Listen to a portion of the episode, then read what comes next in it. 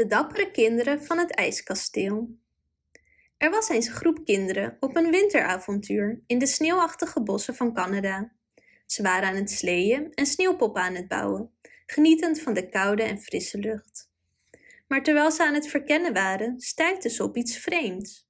Ze zagen een prachtig ijskasteel, verborgen in het bos, schitterend en glinsterend in het zonlicht. Ze waren nieuwsgierig en opgewonden en besloten het kasteel te verkennen.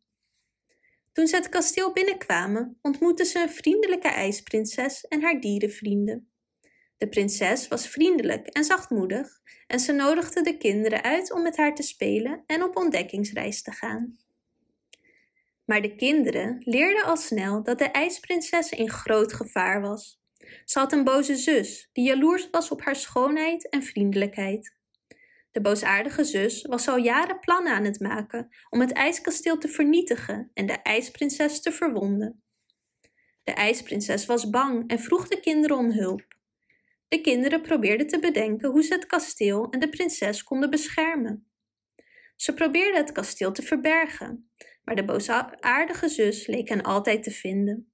Ze probeerden het kasteel te bewapenen, maar de boosaardige zus was te machtig.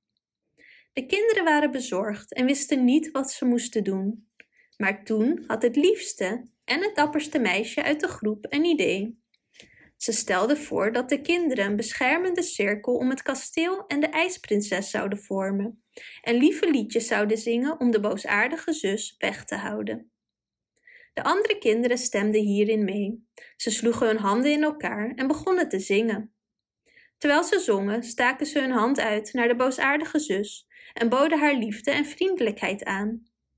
In het begin was de boosaardige zus boos en probeerde ze hen aan te vallen.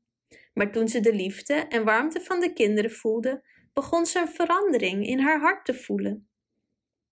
Ze besefte dat het fout van haar was dat ze zo jaloers en boosaardig was geweest, en ze gaf zich over aan de liefde van de kinderen. Het ijskasteel was gered en de ijsprinses en haar vrienden waren veilig. Bedankt voor het luisteren. Wist je dat je dit verhaal ook op onze website ririro.com/nl kunt lezen, downloaden en printen?